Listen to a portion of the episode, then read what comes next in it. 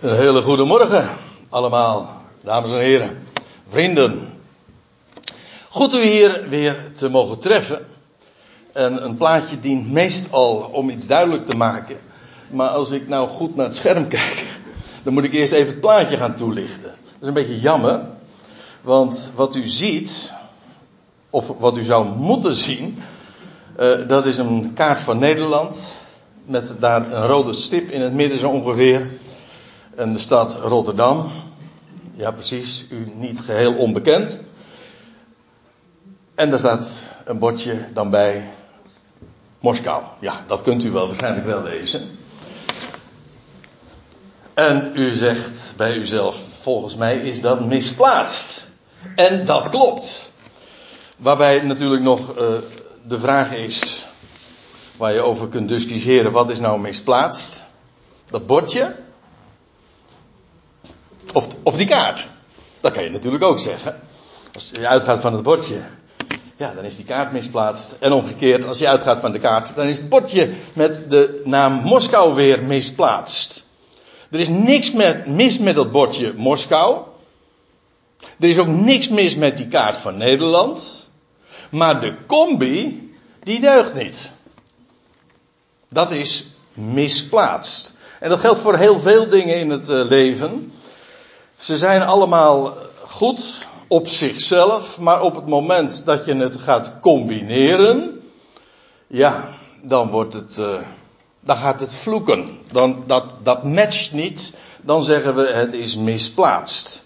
Ik bedoel, er is niks mis met een, uh, een feestneus, maar bij een droevige gelegenheid zet je hem niet op. Dat is dan misplaatst. Nou, ik denk dat dat ene woord misplaatst wel heel goed aangeeft waar het in dat gedeelte wat zojuist door Jury is voorgelezen en wat we straks weer uh, opnieuw gaan lezen, maar dan regel voor regel. Ik denk dat het ene woord heel goed aangeeft wat Paulus eigenlijk daar ook mee bedoelt. En nog letterlijker dan je misschien op het eerste gezicht zou denken. Nou, Laat ik eerst eventjes een, een situatieschets geven van wat daar in Galaten aan de hand was. Want ja, je, je leest dan zomaar iets in het begin van een brief die pakweg een kleine 2000 jaar geleden is geschreven. En dan heb je toch eventjes nodig een, ja, wat is de setting? Over wie gaat het? Nou ja, dat het geschreven is aan Galaten. Uh, Oké. Wat trouwens ook niet zo gek uh, veel verhelderd. Want ja, het is eigenlijk dezelfde naam als de naam de Galliërs. Maar die woonden dan, tenminste zo kennen wij het, uh, weer een stuk meer naar het westen. Ik bedoel, uh, ook die naam zegt niet zo gek veel. Laat ik eventjes voor de goede orde een tijdlijntje mogen neerzetten. We gaan helemaal dus terug naar het begin van onze jaartelling. En dan ongeveer in het jaar 30 is, uh, is het jaar dat de Heer Jezus stierf, wat meer is, opstond uit de doden en ook ten hemel voer. Het moet zo'n ruim drie jaar later geweest zijn dat Stefanus werd gestenigd. Die geschiedenis die we lezen in Handelingen 7. En nog weer zo'n klein jaartje later werd Paulus, die toen nog Saulus heette trouwens, werd geroepen op de weg naar Damascus. En dan zou het nog een heel aantal jaren duren, zo'n 13, 14 jaren, voordat Paulus eigenlijk voor het eerst zich wendt tot de natieën. De deur was al opengezet door, door Petrus in Handelingen 10, de deur naar de natieën. Maar het is vervolgens Paulus die daar doorheen gaat. En dat is ongeveer in dat jaar geweest. En we lezen daar eigenlijk trouwens ook over in de, in de gelaten brief. Over die tijdtabel. Hij zegt van ja, dat was ongeveer 14 jaar later. Nou ja, Paulus we, gaat dan inderdaad, dat lees je in Handelingen 13, naar de natieën toe. Tot dusver, dan moet je je goed realiseren. Dus vanaf het jaar dat de Heer Jezus ten hemel voer, totdat Paulus zich wendt tot de natie, was het evangelie een strikt Joods gebeuren. Het, het volk moest tot erkenning komen, dat was de missie ook van de twaalf. Het ganse huis Israëls moest weten wie hun Messias is. En het kwam eigenlijk ook niet in hun hoofd op. Je vindt dat veel uh, uitgebreider beschreven in Handelingen 10. Dat jaren later, dus als Petrus naar Cornelius toe gaat. Nou, er moest er nog heel wat. Uh, moest er nog heel wat gebeuren om aan Petrus duidelijk te maken dat hij dat moest doen. Terwijl die Cornelius nog een godvrezende man was, een vreemdeling binnen de poorten. Dus uh, zo'n heiden was het nou ook weer niet, om zo te zeggen. Het is Paulus die dan in het jaar 47 inderdaad naar de natie gaat. Puur naar de natie. En ik bedoel ook mensen met een volstrekt uh, niet-Joodse achtergrond.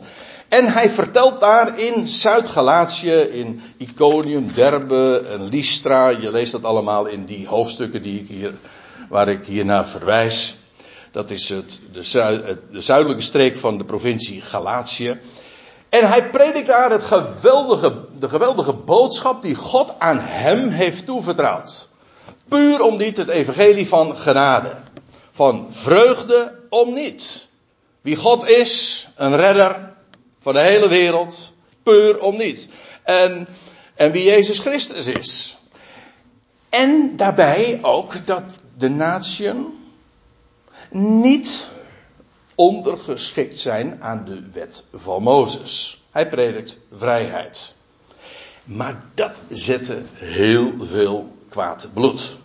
En zodanig zelfs dat je een jaar later, een, twee jaar later, ergens in het jaar 49 is dat geweest, dat daar een apostelvergadering in Jeruzalem belegd werd, speciaal over deze vraag, want ja, er was een enorme toeloop door Paulus' prediking van mensen uit de natieën. Maar er waren velen onder de Joden die zeiden van hoor eens eventjes.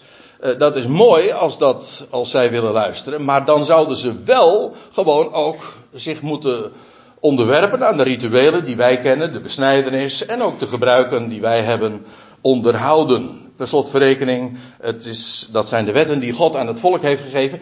En tot dusver stond het ook totaal niet ter discussie dat de Joden dat nog uh, zouden blijven doen. Dat stond niet ter discussie. Dat was vanzelfsprekend dat de Joden gewoon Joods leefden. Hunner was de wetgeving en ook onder het nieuwe verbond is die wetgeving niet verdwenen of zo. Maar goed, de vraag was dus of de gelovigen uit de natieën ook zich daaraan zouden moeten onderwerpen. Nou, het antwoord op die, uh, op die grote vraag, en dat wordt dan unaniem besloten, het is notabene Jacobus die dan ook het woord neemt en die eigenlijk ook de knoop doorhakt. En het uh, antwoord is: de natieën staan niet onder de wet van Mozes en zouden geen last worden opgelegd. Niet noodzakelijk voor het behoud, totaal niet. Een volstrekt heldere en duidelijke uitspraak. Maar dat mag dan een duidelijke uitspraak toen tijd geweest zijn. Er waren judaïseerders, ik noem ze expres eventjes zo, dat waren judaïseerders, dat komt van judaïseren, van judaïsme, het, het, Joodse, de Joodse godsdienst, het judaïsme.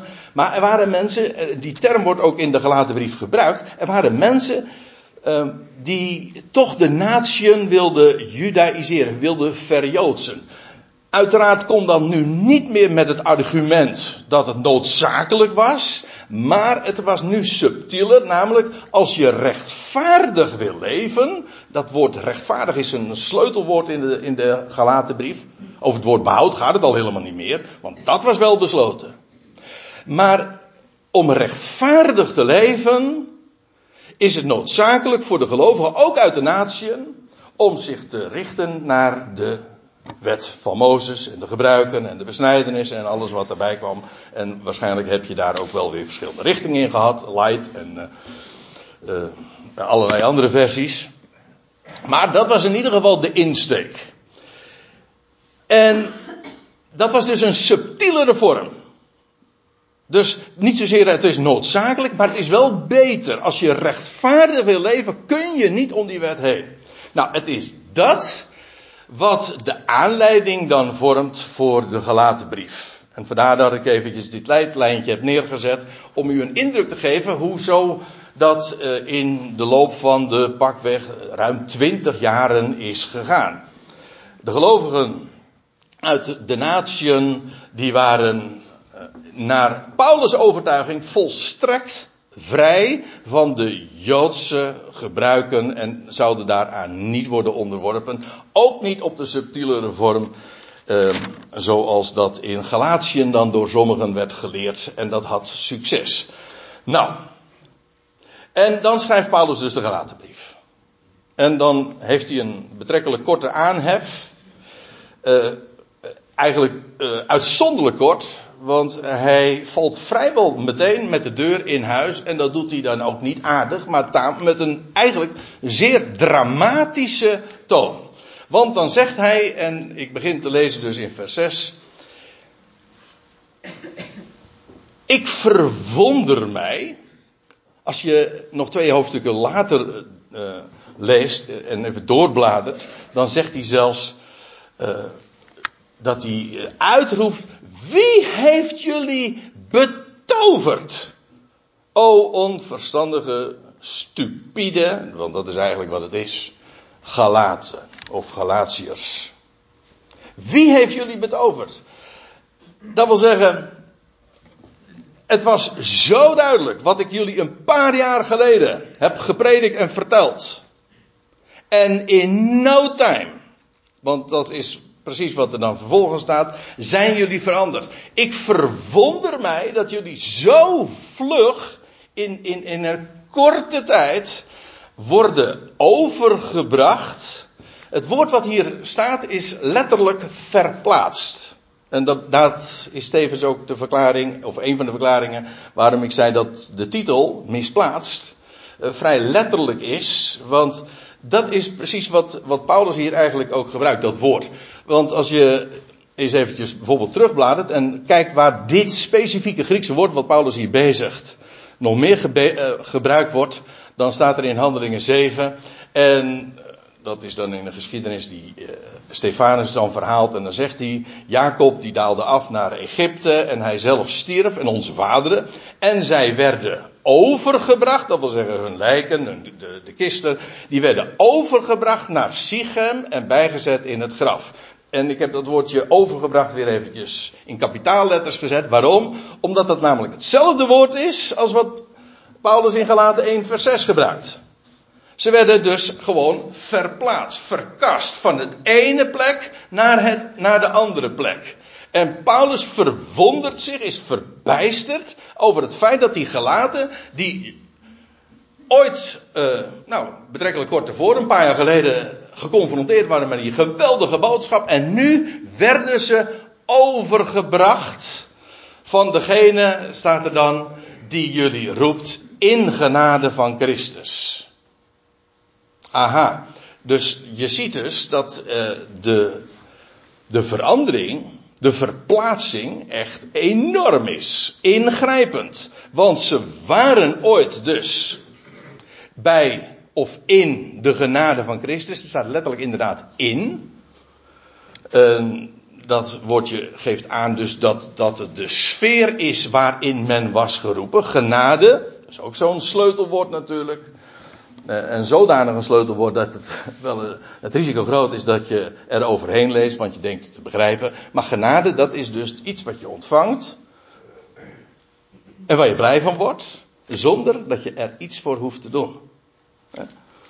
Je staat s morgens op, op zich al een geweldige voorrecht, dat mag. Je doet, de, doet het, uh, het gordijn open en de zon die straalt. En die, de vreugde die je bijvoorbeeld dan ten deel kan vallen. Dat is zomaar om niet, je krijgt het. Nou, dat is wat genade is.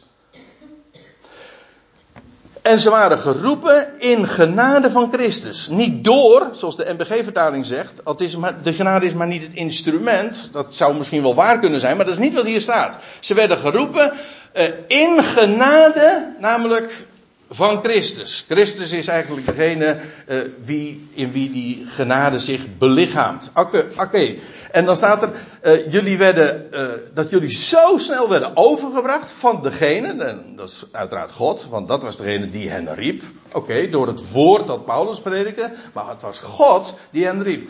Dat jullie zo vlug worden overgebracht van degene die jullie roept, in genade van Christus. Dus het idee is, God riep hen, namelijk in de genade van Christus. En nu, wat was nu het probleem? Wat was er gebeurd? Ze werden verplaatst, gewoon overgebracht in een andersoortig evangelie. Want lees maar met me mee, dat is wat hij dan zegt. Dat jullie zo vlug worden overgebracht van degene die jullie roept in genade van Christus tot een andersoortig evangelie dat geen ander is. Ja, en nou moet ik even iets toelichten, want dat is in het Nederlands misschien een beetje lastig aan te geven, maar het punt is dat in het Grieks hier twee verschillende woorden worden gebruikt.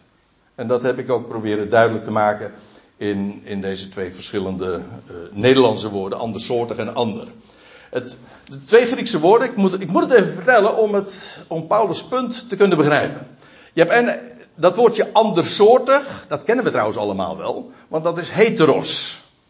Zoals wij dat gebruiken bij heteroseksualiteit. Dat wil zeggen, dat is seksualiteit met iemand van het andersoortige geslacht, om zo te zeggen. Ja. Dat is heteros, andersoortig. En dat andere woordje is allos. Dat is zwakker. Dat is gewoon anders.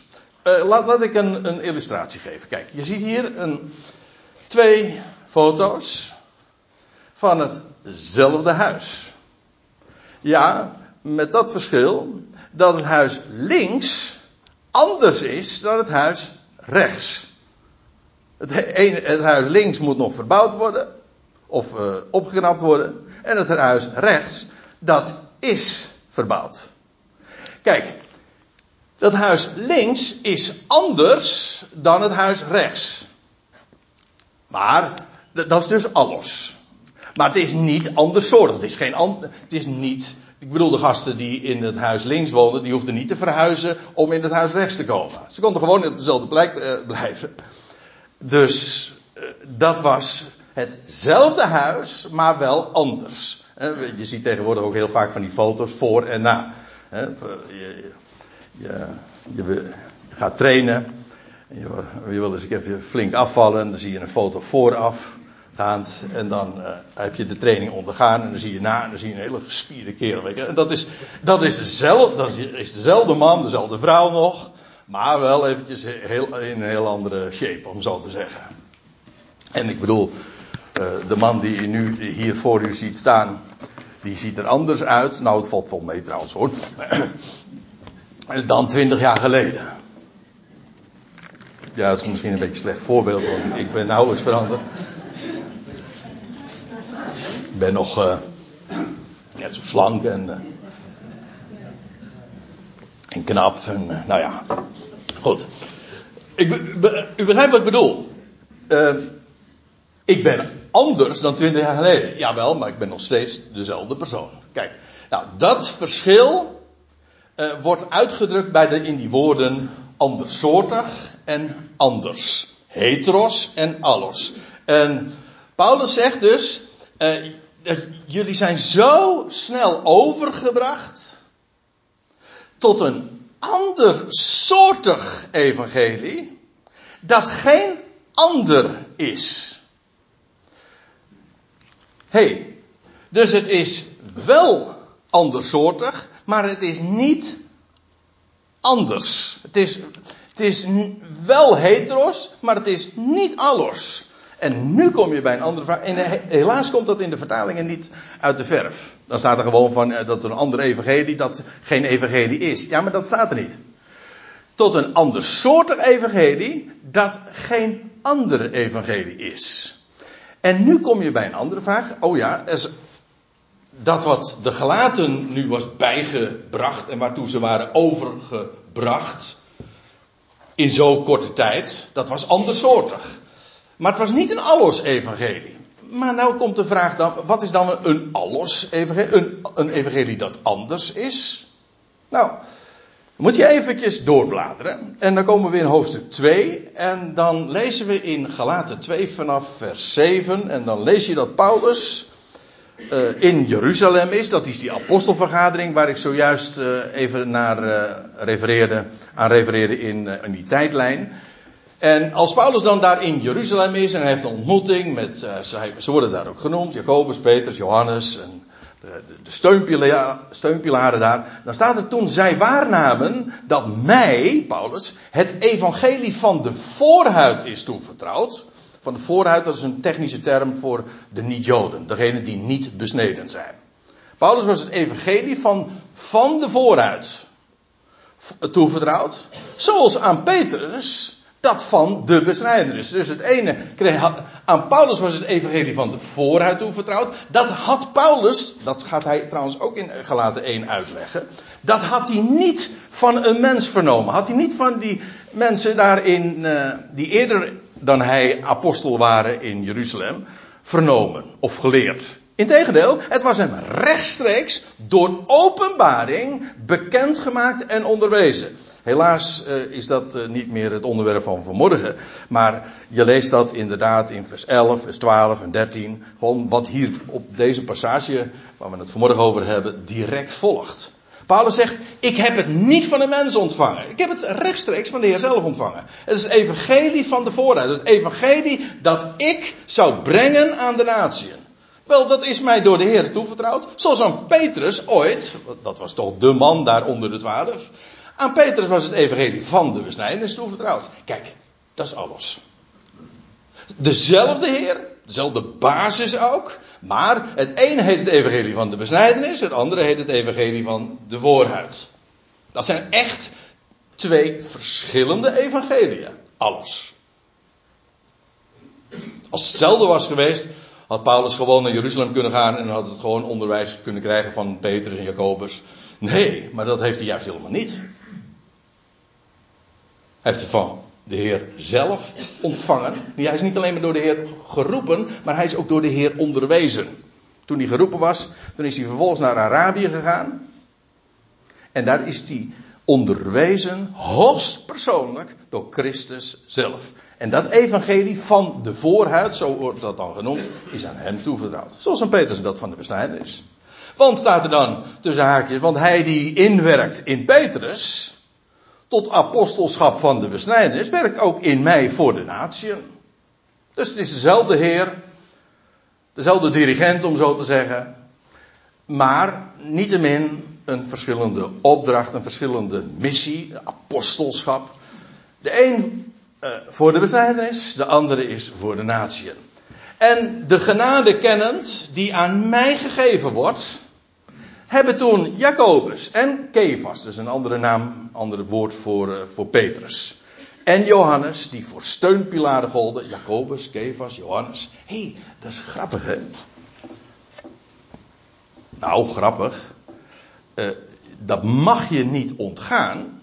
Dat die namen vervolgens in het Nieuwe Testament ook weer tegenkomen. In exact deze volgorde.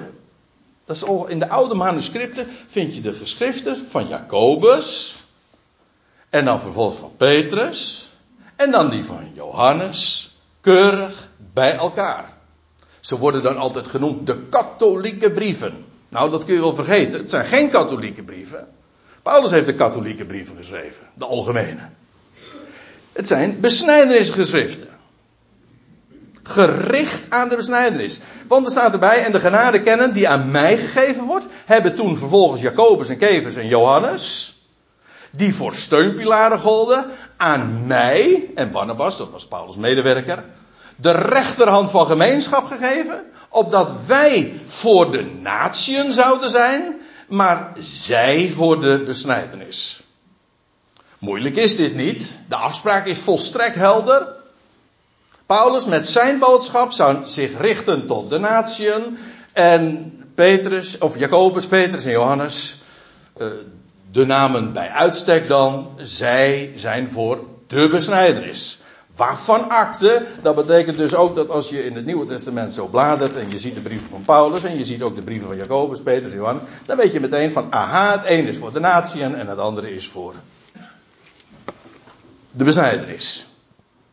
En dat wordt dan beklonken officieel daar in Jeruzalem door, door de steunpilaren. Vandaar ook, het is echt een officiële afspraak met de rechterhand van de gemeenschap. Zo, hier zijn ze het volstrekt over eens. Hoe verschillend de bediening dan ook mogen zijn, hier zijn ze het over eens. Waarom haal ik dit aan? Omdat dit precies uitlegt waar Paulus het over heeft als hij het heeft over een allos-evangelie.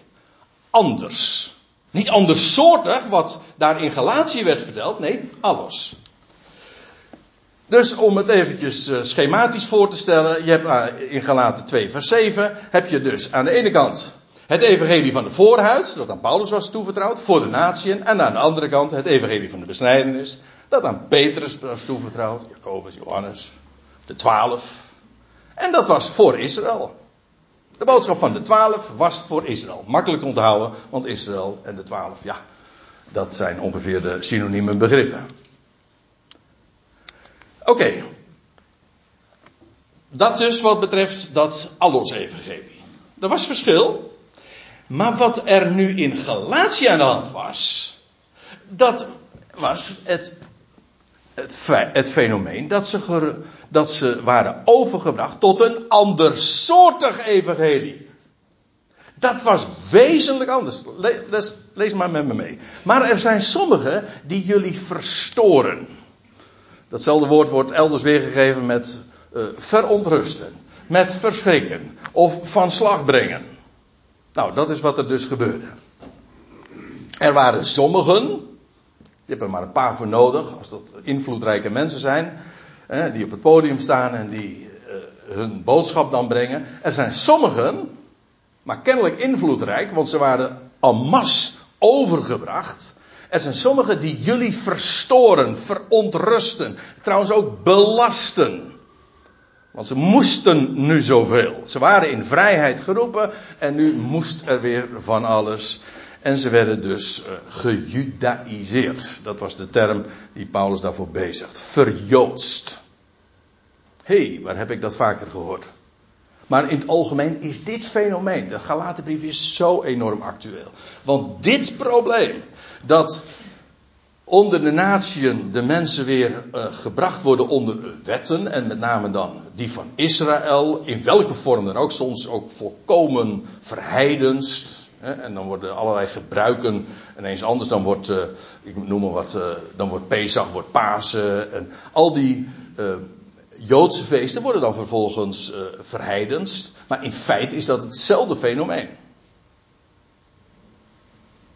Trouwens, heel Israëls eredienst heeft men gekopieerd in de kerkgeschiedenis uh, tot de gebouwen aan toe en altaren en priesters en gewaden en hoogtijden en rituelen. En de in de plaats van de besnijdenis is de doop gekomen. Of in de plaats van de Sabbat is de zondag gekomen. Al dat soort ideeën. Het is allemaal gewoon kopieerwerk. Valse kopieën moet ik er ook nog bij zeggen. Wat dat betreft hadden die gasten in, in Galatië het uh, zuiverder. In ieder geval, die verjoodsten echt. Die vonden echt dat de Joodse gebruiken één op één moesten worden overgebracht op de gelovigen uit de natie. Afvoort. Ze werden dus door sommigen uh, verstoord. En het evangelie van de Christus, dat zij dus kort tevoren van Paulus hadden vernomen, uh, willen verdraaien. Ha, uh, dit geeft weer dezelfde gedachte. Dit woord is afgeleid ja, van strevo en dat vinden we, dat wordt elders weergegeven met keren, omkeren, wenden, draaien. Dus echt met recht verdraaid nog aan toe. Hè? Ja, dat is hier aan de hand. Kijk, ook even in, in schema voorgesteld. Het evangelie zoals door Paulus gebracht voor de natieën, dat was het evangelie van de vooruit. Oké, dat kende men in Galatië. Daartoe was men geroepen. Daar had men zoveel geluk in gevonden. En vrijheid, en genade, en vrede, etc.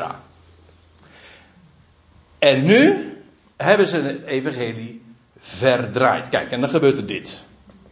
Het verdraaide evangelie, dat is nog steeds ook voor de natie. Maar nu is het dus, let op wat er gebeurde. Het evangelie van de voorhuid is vervangen door het evangelie van de besnijdenis.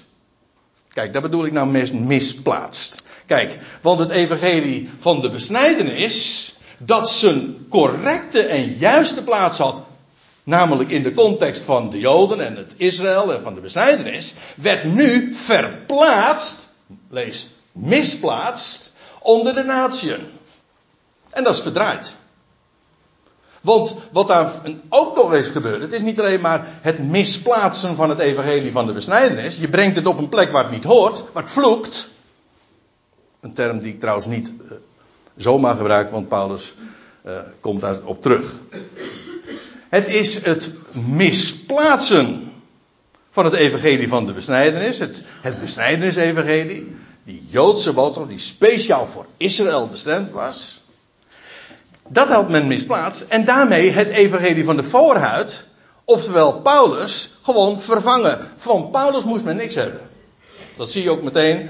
En dat, uh, de eerste twee hoofdstukken is feitelijk ook niks anders dan Paulus toelicht uh, wie hij is en wat God aan hem heeft toevertrouwd.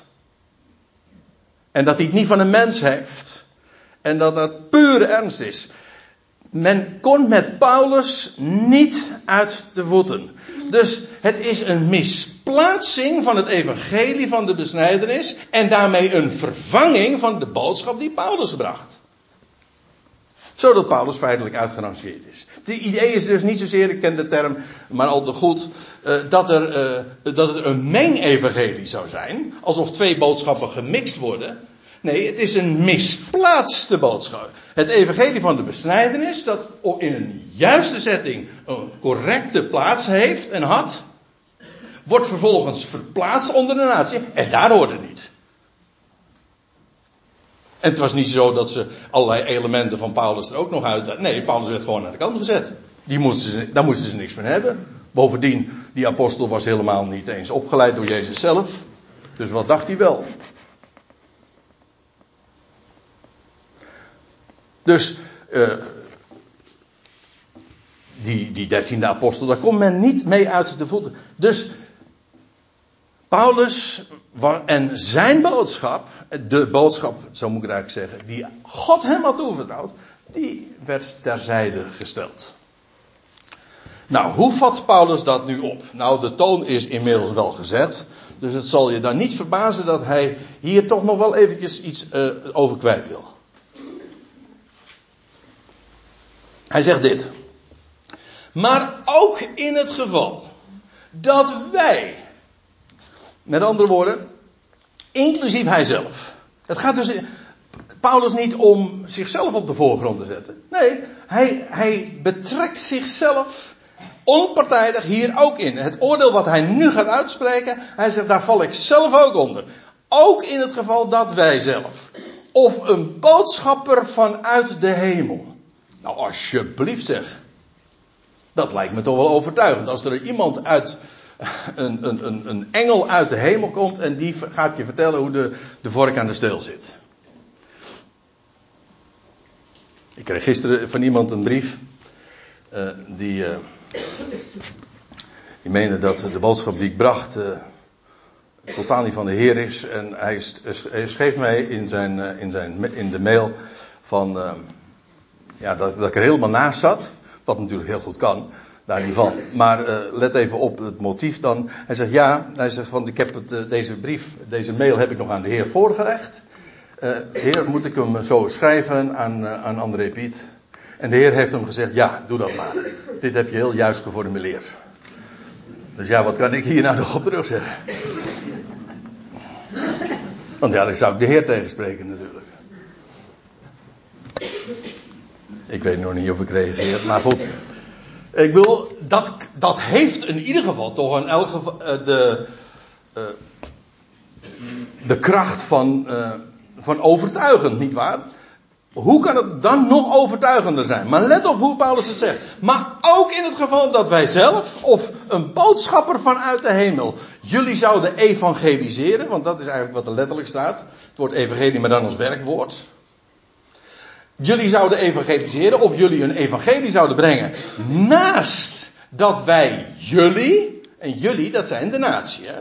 Let op, Hij doelt dus niet op de boodschap die Petrus en Jacobus aan de besnijders. Nee, als iemand jullie, wij zelf of een boodschapper uit de hemel, jullie zouden evangeliseren naast wat wij jullie evangeliseren, dat zij vervloekt. Ja, het is wat anders dan de gebruikelijke weergave. Want meestal leest men uh, die zij vervloekt. En dat kan. Maar het Grieks kan ook uh, gewoon uh, dat zij vervloekt. Dan gaat het niet over de mensen die de boodschap brachten. Maar over de boodschap die ze brachten. Dat is vervloekt. In het Grieks is het eigenlijk een beetje onbeslist. Het is gewoon derde persoon enkelvoud. En dat kan hij, zij of het zijn. Nou ja, eerlijk gezegd denk ik dat, het, dat Paulus het gewoon eh, heeft over de boodschap zelf die een vloek is. Hij speelt het niet op de man, maar die boodschap is uh, ja, vervloekt, of eigenlijk staat er in het Grieks anathema. En dat wil zeggen, het ligt onder een banvloek. Je blijft er vanaf. En inderdaad, doe je dat niet, ja, dat is een vloek. Daar, is meer over te vertellen dan dat ik nu doe. Maar het is zeer ernstig. Dat zij vervloekt. Eigenlijk is die boodschap ook een vloek. Op het moment dat je afwijkt van Paulus, zoals hij het aan de natie bracht, ja, dan wordt dat een vloek. Dan is dat ook, en dat klopt, geen evangelie meer. En ik moet zeggen, kijk maar eens na in de kerkgeschiedenis wat er gebeurde. Niet alleen hier in Galatië. Paulus zegt uh, in, uh, in hoofdstuk 4, op een gegeven ogenblik zegt hij tegen hen, van jullie waren zo blij. Hij zegt, en nu, als hij, hij had vernomen wat er uh, nu speelde daar in Galatië, waar is jullie geluk gebleven? Waar is jullie geluk gebleven? Jullie waren zo blij. En en jullie waren zo enorm gelukkig met de boodschap die je van Gods wegen had ontvangen. En het heeft jullie compleet ondersteboven gezet en ge, gebracht. En jullie waren er zo gelukkig mee. Wat is daar nou van over? Nu worden jullie belast. En dat betekende trouwens ook dat er een enorme competitie komt. Want ja, de een is beter dan de ander. En de een is strikter dan de ander. In ieder geval, de aandacht van wat God doet en gedaan heeft en zal doen. werd er ineens nu helemaal. Uh, de, de focus werd nu gelegd op de mens. Wat wij moeten doen. Het stelt altijd teleur. Trouwens, en als ik er nog eventjes doordenk over wat er gebeurd is met uh, de boodschap aan de natieën en dat dan evangelie heet, dat is helemaal geen evangelie. Dat is een boodschap niet van God is de redder. Nee, als jij je bekeert, dan gaat God jou redden. En als jij je niet bekeert, dan is daar een eindeloze hel voor je. Ook daar heb je heavy en light, dat weet ik. Maar niettemin, nou, sorry, maar dat noem ik geen evangelie hoor. Sterker nog, dat is, dat is afschuwelijk drama. En een karikatuur van God. Dat is gewoon een vloek gewoon. Ja, er wordt gevloekt in de kerk hoor. Als je zegt, God verdoemt. Dan is dat een vloek hoor. Want God verdomt niet. Hij rechtvaardigt. Hij geeft leven. Hij verzond. Gewoon puur om niet. En dat mag je geloven. Kijk, dat is evangelie. Maar op het moment dat je dat gaat veranderen, ja, dan wordt die boodschap een vloek. En Paulus zegt dat hier ook. In feite is het niet eens in een, in een wensende vorm. Maar het is, het is zelfs gebiedende bij. Dat is, dat moet een vloek zijn.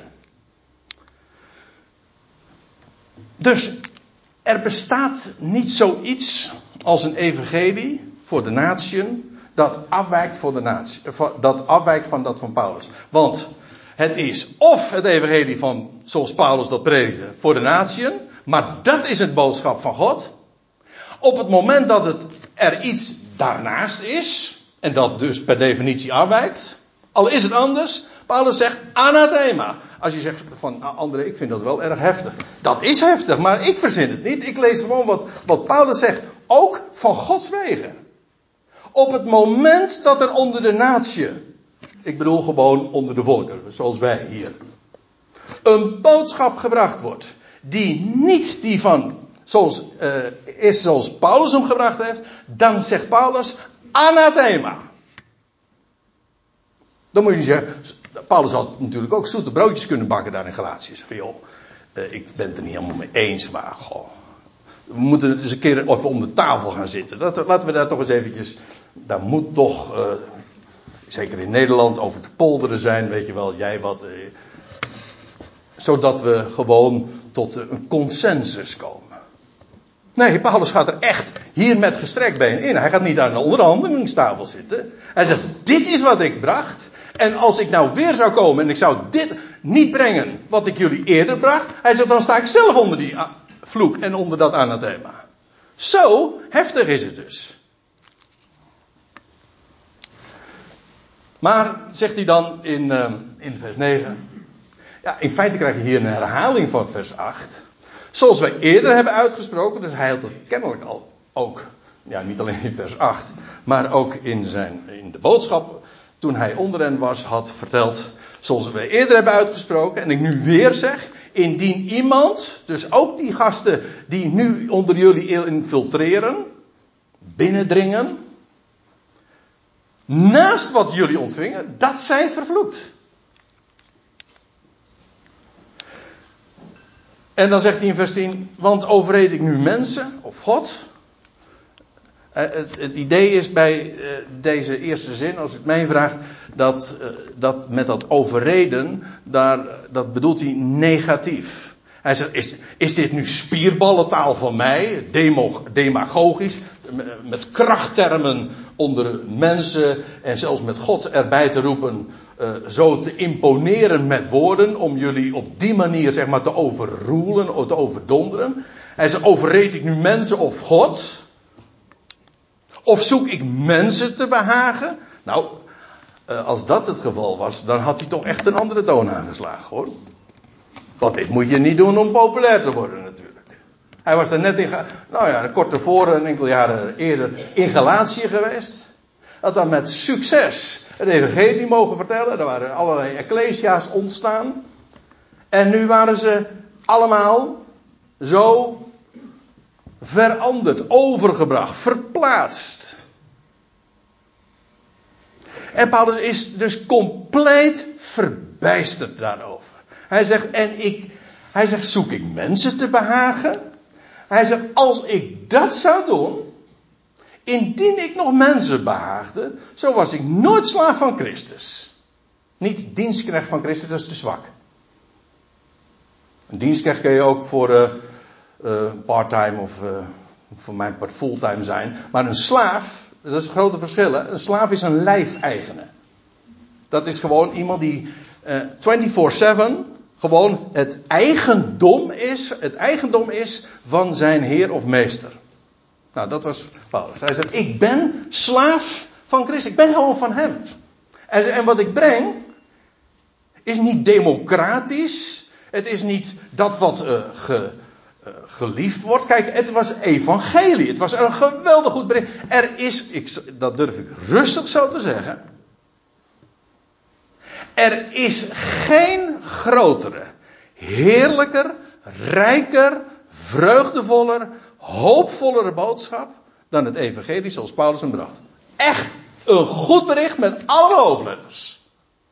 Van een God die alles in zijn hand heeft, bij wie nooit iets misgaat, die de schepper is van de hele wereld, die een geweldig plan heeft en die alles en iedereen gaat redden en daar gaat brengen waar hij het hebben wil. Kan je iets mooiers bedenken? En weet je wat het mooiste is? Het is nog waar ook. Het is het rijkste wat er is. Maar Paulus stond niet uh, in dubio van ja, uh, ja daar in Galatie, dat, daar ligt het niet zo. Of eerst eens even onderzoeken hoe dat hier verteld moet worden. Nee, hij had gewoon een boodschap die vertelt. Hij, hij, gewoon een, hij was een heraut. Hij moest iets bekendmaken. Nou, iets. Een geweldige tijding. En dat ging hij bekendmaken. Hij zegt, en dat vertel ik. En niks anders. Ik kan daar niet van afwijken. Hij wilde daar sowieso niet van afwijken, want ja, als je het allermooiste hebt, dan is het take it or leave it. Of believe it. Dat is het. We hebben geen alternatief. Dit is de boodschap en een ander is er niet. En het is zo geweldig rijk. En als je daarop mag staan, de vreugde mag kennen, daaruit te leven. En dat de onvoorwaardelijkheid. En laat je niet wijsmaken dat je, ja, je bent nu wel een gelovige, maar nu zou je eigenlijk toch ook wel uh, de sabbat moeten gaan houden. Want ja, je, oh, ik noem maar wat, hè. Om een goed geloof, om rechtvaardig te leven, zou je dat moeten doen. En dan krijg je al meer uh, gelovigen die meer zijn en gelovigen die minder zijn. Of je zou, uh, nou ja, noem maar op, welke, welk ritueel, welk godsdienstig jasje je ook daarbij bedenkt, dat zou je eigenlijk moeten aantrekken om er helemaal bij te horen. No way. Het is om niets. En die gelaten, die hadden een geweldig evangelie gehoord. En wat dacht je wat? Als je een boodschap hoort van louter vrede en vreugde, dan verandert dat een mens. Dan geeft dat. Ja, wat dacht je wat? Vrede en vreugde en hoop. Denk je dat je daardoor dezelfde blijft? Nee, dat evangelie is in zichzelf een kracht Gods. Het is dynamiet, het verandert een mens. Zijn hele denken, zijn houding en daardoor ook de verhoudingen. Dus zo'n enorme power. Maar laat je niet wijsmaken dat je eerst een ander godsdienstig jasje aan moet trekken om erbij te horen. Dat is wat er in Galatië speelde. En dat is in feite de hele kerkgeschiedenis door de actualiteit geweest. Vandaar ook de ernst waarmee Paulus hierover spreekt. We hebben een geweldig evangelie. En als je dat gevonden hebt, dan zou ik zeggen dat is de happy side of life. Laten we daarover zingen.